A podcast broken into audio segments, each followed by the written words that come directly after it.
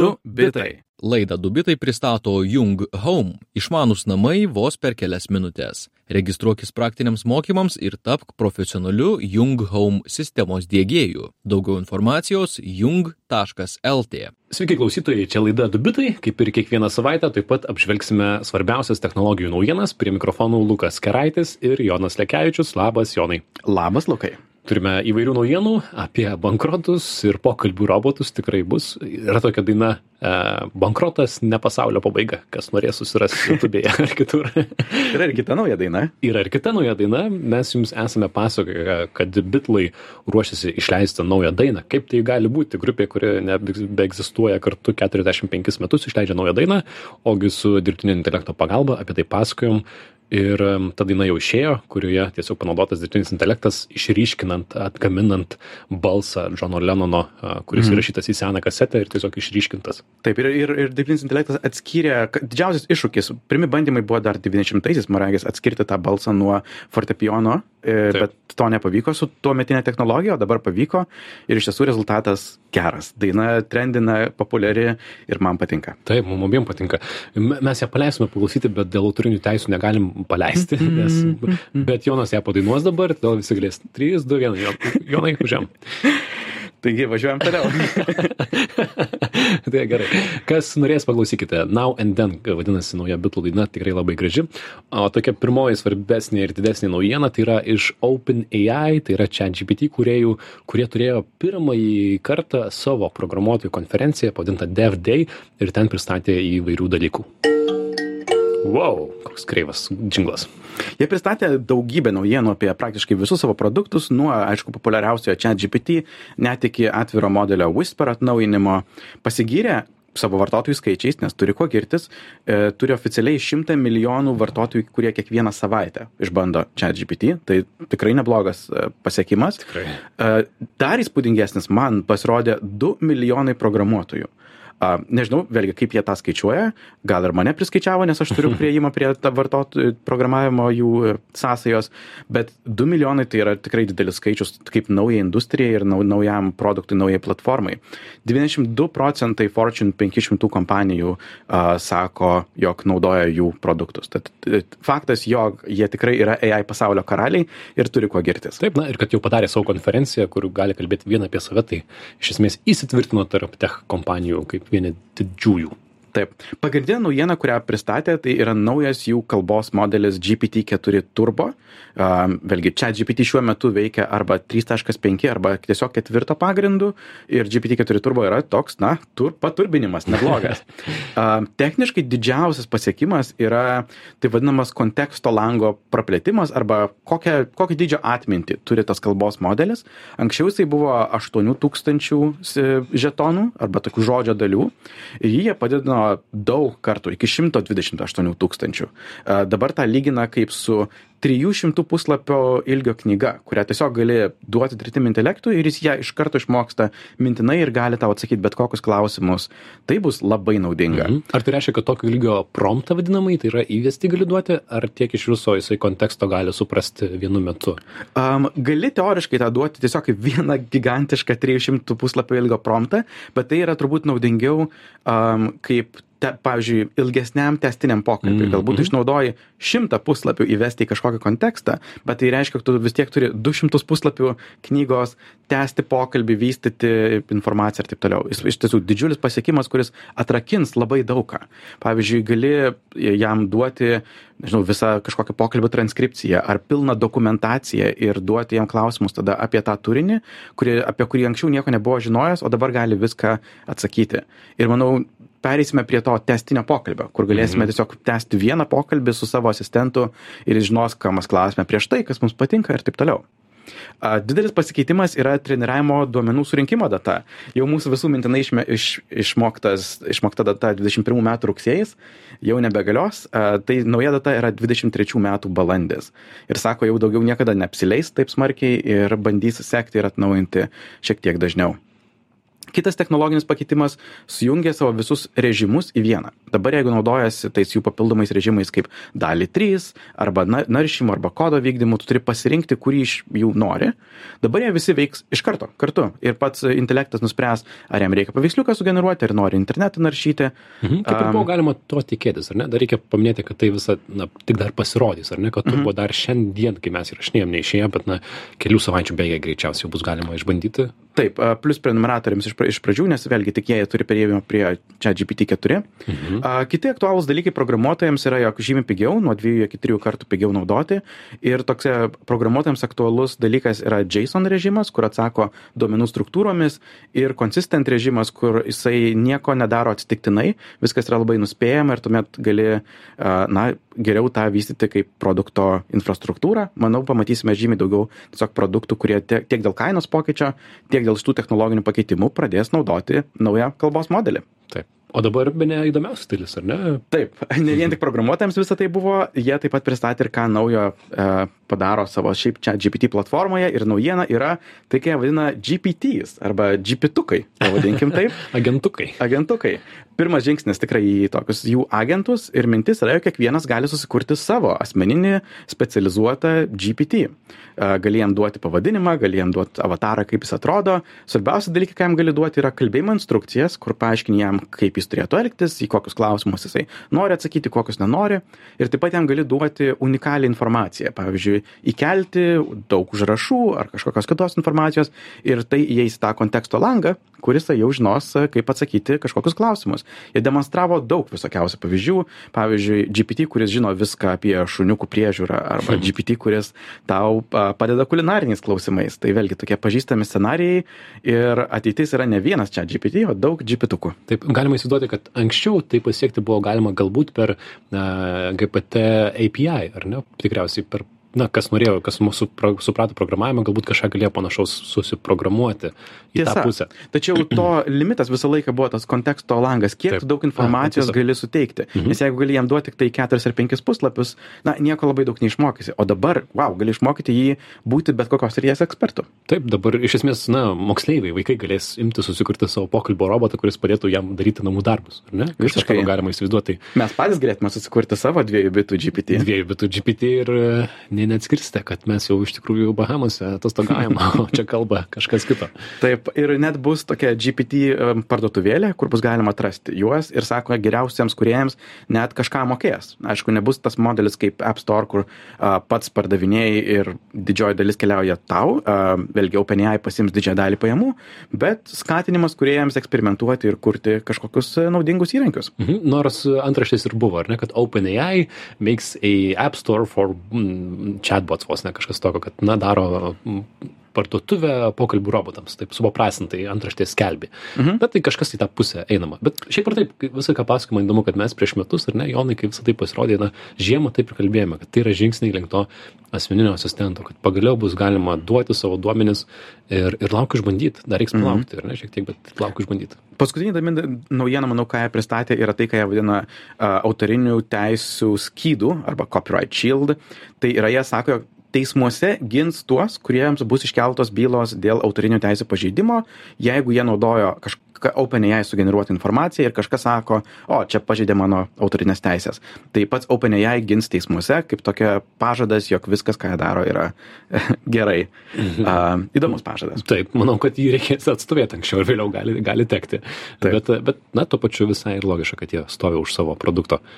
Baigiant šitą temą, dar galim paminėti, jog um, OpenAI turi naują konkurentą. Elno Musko XAI išleido savo pirmą kalbos modelį Grok.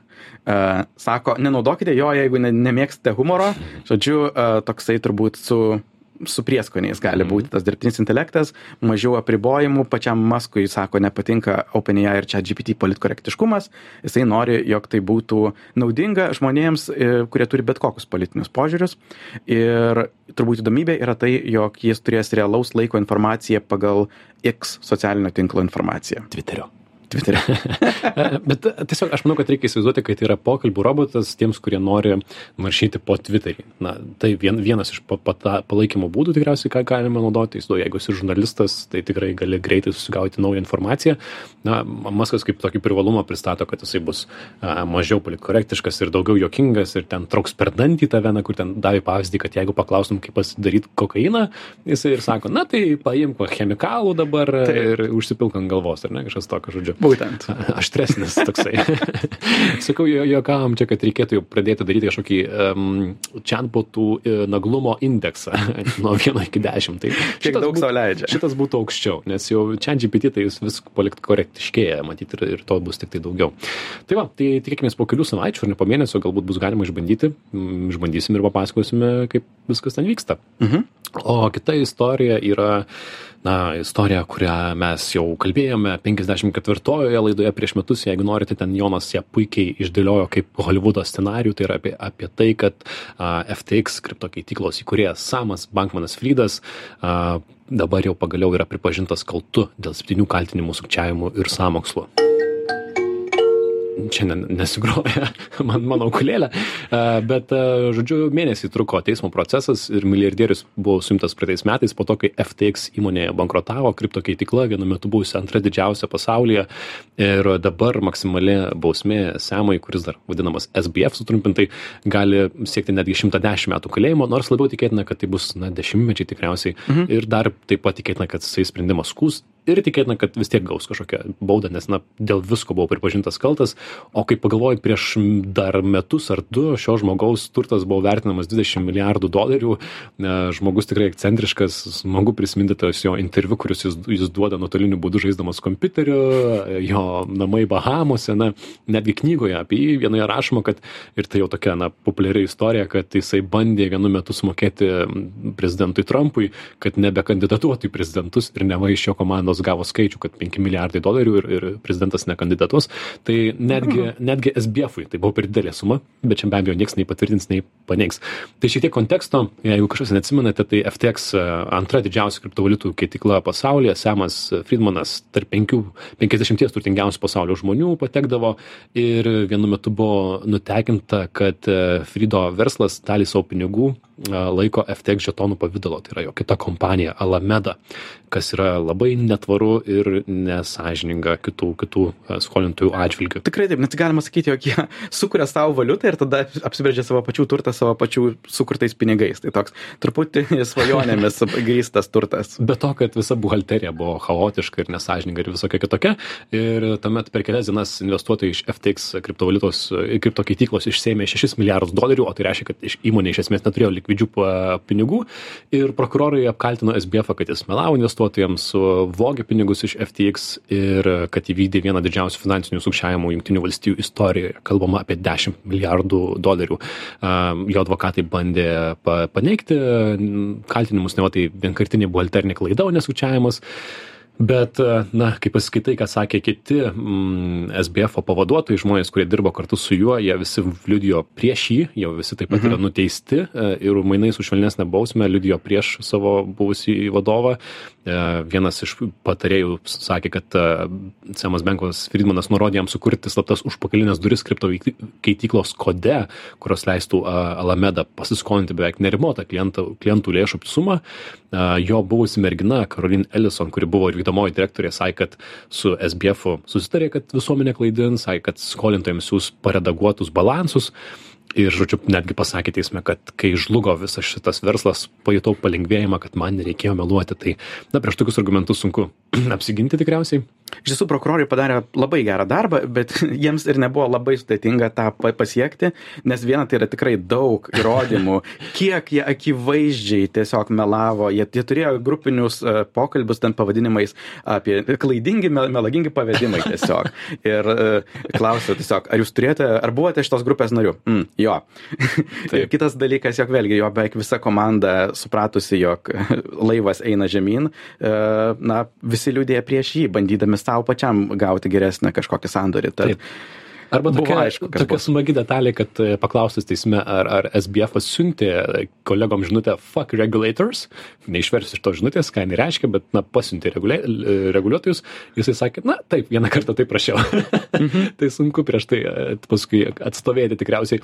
Pripažino padaręs dėlių klaidų, pavyzdžiui, niekada nesudarė rizikos valdymo grupės. Turi dešimtis, dešimtis milijardų dolerių valdai ir, ir žodžiu, na, ta istorija tokia, na, tikimasi, kad po šitos istorijos kriptovaliutų rinkos priežiūra taps dar griežtesnė, nes tai, na, tai tarsi jisai šiek tiek ir simbolizuoja visą tą, ar ne, kas vyko prieš tus praėjusius čia 50 metų. Mhm.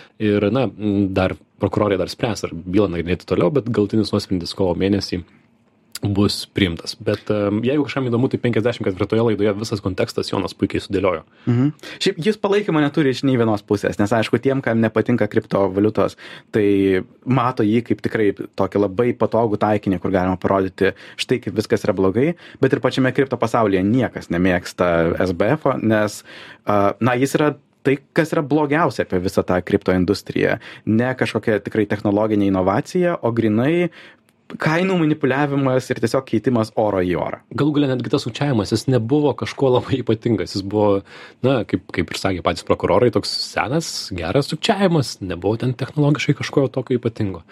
Tai va, e, žinių radio klausytėjim priminsime, kad girdite laidą Dubitai, kalbame apie svarbiausias praėjusių kelių savaičių naujienas ir dar viena bankroto istorija, pakalbėjome apie FTX kriptovaliutą, e, kriptokeityklą, o dabar apie e, dalymosi biuro erdvėmis įmonę WeWork, kuri, tai yra mes dirbame, kuris skelbia bankrotą šią savaitę. Sugrojau, teisingai. Tai šita įmonė 2019 metais buvo vertinta 47 milijardais dolerių. Ji buvo didžiausia New Yorko ir Londono biurų nuomotoja ir dar prieš metus turėjo beveik 800 lokacijų 40 šalių, daugiau nei pusę milijono narių. Um, aš Europoje keliaudamas matydavau jų, jų biurus, ar ne? Tikrai galėjau. Aš ir esu dirbęs keliuose, tikrai Netgi- smagus biurai. Netgi skaitant naujienas apie šitą bankrotą, ten The Guardian rašo, beje, mes nuomojam iš jų biurą vis dar. tai, žodžiu, tikrai didžiulis verslas. Ir jų verslo modelis buvo labai paprastas. Nuomokis nebrangiai ir ilgam, išnuomok brangiau dar ir, ir trumpam. Iš esmės tai buvo coworkingo, na, tokie, sakykime, lyderiai ir pradininkai. Įdomu, kad nuo pat pradžių jie save pozicionavo kaip technologijų kompanija. Va čia, man atrodo, yra šopakastas viso šito Ir istorijoje. būtent iš čia yra tas e, kosminis įvertinimas, Taip. nes šiaip e, nekilnojamo turto įmonės neturi tokių kosminių vertinimų. Taip. Bet jeigu pradedi taikyti technologinio kažkoks augimo skaičius, gali savo užpūst burbulą ir burbulą ją išpūtė. Taip, jų vizija buvo, kad tai bus uh, socialinis tinklas offline, tai yra, jeigu klausytume jų įkūrėjo interviu, jisai sako, ne, ne, čia tikrai nepaprasti biurai, čia yra apie vaibą, apie energiją, čia yra ateitis, čia mes tikrai netiesiog nuomojam kvadratūrą. Jis net yra pasakęs, nori pakelti pasaulio sąmonės lygį. Taip, jis daug yra pasakęs, tai pradėkime nuo pradžių. 2001 metais į New York atvyksta Izraelio kibuce augęs būsimas WeWork įkūrėjas Adamas Newmanas. Jisai charizmatiškas, vėliau pamatysim, ilgaplaukis, interviu visuomet pozityvus, ambicingi, visi aplinkiniai sako, kad labai charizmatiška asmenybė. Jis yra minėjęs, kad nori būti pirmuoju triljonieriumi, kurio kompanija atsidarytų Marse. Štai tokie vat kuklus norai. Ir jis turėjo kitų verslo idėjų, iki tol, pavyzdžiui, darė moteriškus batelius su užlenkiamu kulniuku, nežinau, skamba kaip gera idėja, kūdikių kelnes su paminkštinimais keliais, m, pavyzdžiui, tokia buvo jo verslo idėja. Šiaip sakė, nepasisekė. Na bet, verslus žmogus. 2008 metais, taupydamas savo biuro erdvės išnuomoja kitiems, sutarė su vieno tuščio pastato savininku išdalinti aukštus ir išnuomoti ir palengva viskas em, atsispiria jau 2010 metais parduoda šitą verslą, atsidaro WeWorką, atsidaro Manhattan'e, e, 2013 metais turi 350 startuolių tarp savo klientų, e, jų tie visi WeWorkai tikrai smagus, kava nemokama, dar prieš 10 metų tai buvo naujiena, kad štai čia aldus nemokamas, čia mes turim stalus, e, na, visus smagiausius dalykus, kokius tai galima turėti būti. E, 13 metais jie tampa greičiausiai augančia erdvių nuomotoje New York'e, 16 pritraukia 430 milijonų dolerių ir yra vertinami 16 milijardų. Ir, na, kodėl jiem taip sekasi, tai viena iš priežasčių, kad po finansų krizės 2008 metais nemažai laisvų darbo erdvių ir jie atsidarė labai gerų laikų ir geroje vietoje, nes praeitą dešimtmetį šitas rytis tik tai augo, mažos palūkanos, daugėja digital nomads, ar ne, nes pagaliau internetas geras, m, tikrai 2010 metais tai buvo gana nauja dirbti su laptopu bet kuriame pasaulio krašte. Ir be abejo jie visą laiką pozicionavo, kad tai ne tik ofisas, tai bendruomenė, kultūra, energija, kaip sakė jisai savo interviu, tai yra apie žmonės. mm, arba tu pajauti, arba supranti, arba ne. Judėjimas, kuris keičia, kaip žmonės dirba. Ir iš tikrųjų prisidėjo prie kovorkingų iškilimo. Aš manau kad vilniuje tai mes tuos kovorkingus pradėjome matyti kai septynioliktais aštuonioliktais metais ane kas amerikoje ir europoje štai vyko jau tryliktais keturioliktais šešioliktais ir panašiai. Man regis kokiais devynioliktais aš net girdėjau gandų jog WeWork planuoja ateiti į vilnių ir visi buvo o galbūt tai įvyks bus labai cool. Neįvyko. Bet jie, neįvyks. bet jie pramušė šitą sritį tikrai. Ir jau jau vienu metu pradėjo na jiem taip sekėsi kad jie atidarinėjo visokias uh, darželius mokyklas pirko dizaino mokyklas į visokių keistų dalykų darė. Mm, dar tokia įdomi istorija, kad 2016 metais, ten šiek tiek nepasisekė, reikėjo atleisti 7 procentus darbuotojų, yra aprašytas jų susitikimas, kai tas vadovas sako, na, liūna, kaip ką darysi, bet yra kaip yra ir po to pokalbio uh, visi geria tekilo šotus ir į kambarį įeina Run DMC reperiai ir visiems padainuoja It's, it's risky daina, kad tai, tai, tai rizikinga, nes tai buvo žmogus, kuris mėgsta vakarėlius, mėgsta tekilą, kaip rašo portalai, mėgsta marihuaną ir panašiai. Bet uh, 17 metai buvo svarbus, SoftBankas investuoja 4,5 beveik milijardo dolerių, tas startuolio vertė yra 20 milijardų dolerių. 2019 metais investuojama dar, nors tai vis dar nėra pelninga kompanija, BBC rašo, kad per valandą jie išleidžia 200 tūkstančių svarų.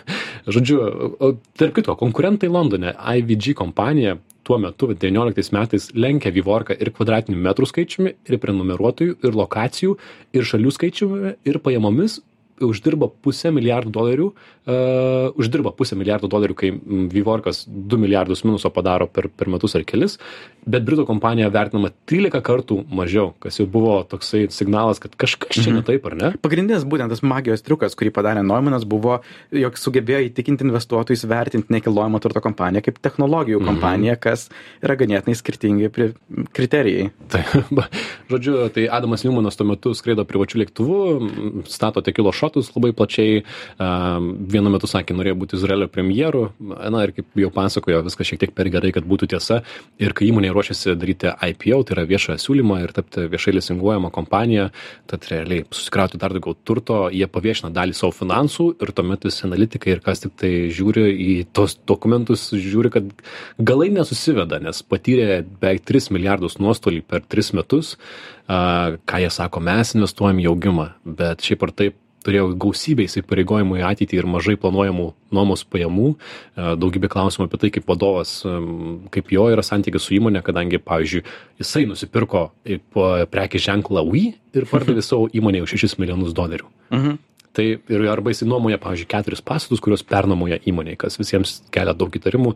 Tai tas ipo tuo metu neįvyko pradėjo kristi kaina. Du tūkstančiai dvidešim pirmais metais visgi įvyko ipo nors tuo metu buvo vertinamas jau vos devyniais milijardais dolerių ir šiais metais akcijos nukrito šimtu procentų. Tad realiai įmonė krito krito žemyn. Be abejo kovido pandemija nepadėjo šitam verslui tai tikrai. Kas tiesą sakant nustebino nes po kovido kaip tik sumažėjo biurų naudojimas ir iš iš vienos pusės taip jiems tai yra nenaudinga bet iš kitos pusės tai atlaisvino labai daug vėlgi to paties nekilnojamo turto kaip buvo ir po finansinės krizės. Tad tai galėjo būt antras kvėpavimas jeigu jie būtų tinkamai tą padarę bet tuo metu iš esmės su su tuo viešu pa pardavimo jie kai atskleidė visas savo kortas nebuvo jokios noimano magijos belikę tai jau buvo aišku jog viskas eis tik žemyn. Taip bet e, dar įdomu kad tarp kitko šitas vadovas jisai išeidamas devynioliktais metais nes jom jam liepė šiek tiek jau atsitraukti jisai sutiko e, nuo devynioliktų metų jau nebevadovavo įmonei dar gauna keturių šimtų keturiasdešim penkių milijonų dolerių premiją. Bet įdomi šita istorija tuo kad na dažniausiai vadovas skęsta su laivu ar ne? O tiesą pasakius jam puikiai sekasi jis yra toliau verslininkas yra pritraukęs su kitu startuoliu tris šimtus penkiasdešim milijonų dolerių a dabar turi verslą fokusuotą į gyvenamuosius namus a tai žodžiu dar jo istorija nesibaigė nors baigėsi mhm. šio startuolio. Tai tokia crazy istorija mes tiesą pasakius apie ją lyg ir nekalbėjome laidose bet jinai buvo na straipsniuose toks pusantrų metų dabar linčiuojama kuri šią akimirką baigėsi. Be abejo kas investavo praranda pinigus ir tiesą sakant tame kontekste dar labiau stebina jog vėlgi jo nauja kompanija flow apie gyvenamuosius namus yra tas pats magijos triukas kartojamas antrą kartą kur jisai sugeba nekilnojamo turto verslą įtikinti jog čia visgi yra technologinis startuolis kuris augs dešimt kartų kiekvienais metais kas taip neveikia nekilnojamam turte. Tai labai įdomu vėlgi kaip žmonės kaip ta magija neprapuola ir tie charizmatiški įkūrėjai sugeba išlaikyti kažkokią savo reputaciją. Taip yra aprašytas tas jo e, susitikimas su softbanko vadovu matajoši san taip kuris na stovi ant didelio pinigų krūvos tikrai ir, ir pasakojama, kad Adamas Newmanas jam pristatė visą viziją, kaip čia mes pavarysim su tai biurų nuoma ir jam SoftBank vadovas sako, padarykime taip, tik dar stipriau. Ir jie tokie, na, tokie ma, mačo dvi susitikę, kurie labai norėjo gerai pavaryti, bet ne visai gavosi. Įdomu, kiek galų galės SoftBankas iš viso to prarado pinigų, nes turėjo prarasti visai. Nemažai. Beveik viską. Beveik viską. Tai štai tokia pamokanti istorija, kaip nedaryti, kaip laidos pradžioje ir sakiau, yra tokia laida, e, daina, mm, bankrotas ne pasaulio pabaiga.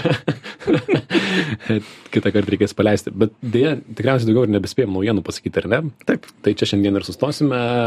Baigėsi laida Dubitai ir mūsų laidas rasite, mūsų šaltinius rasite dubitai.com svetainėje.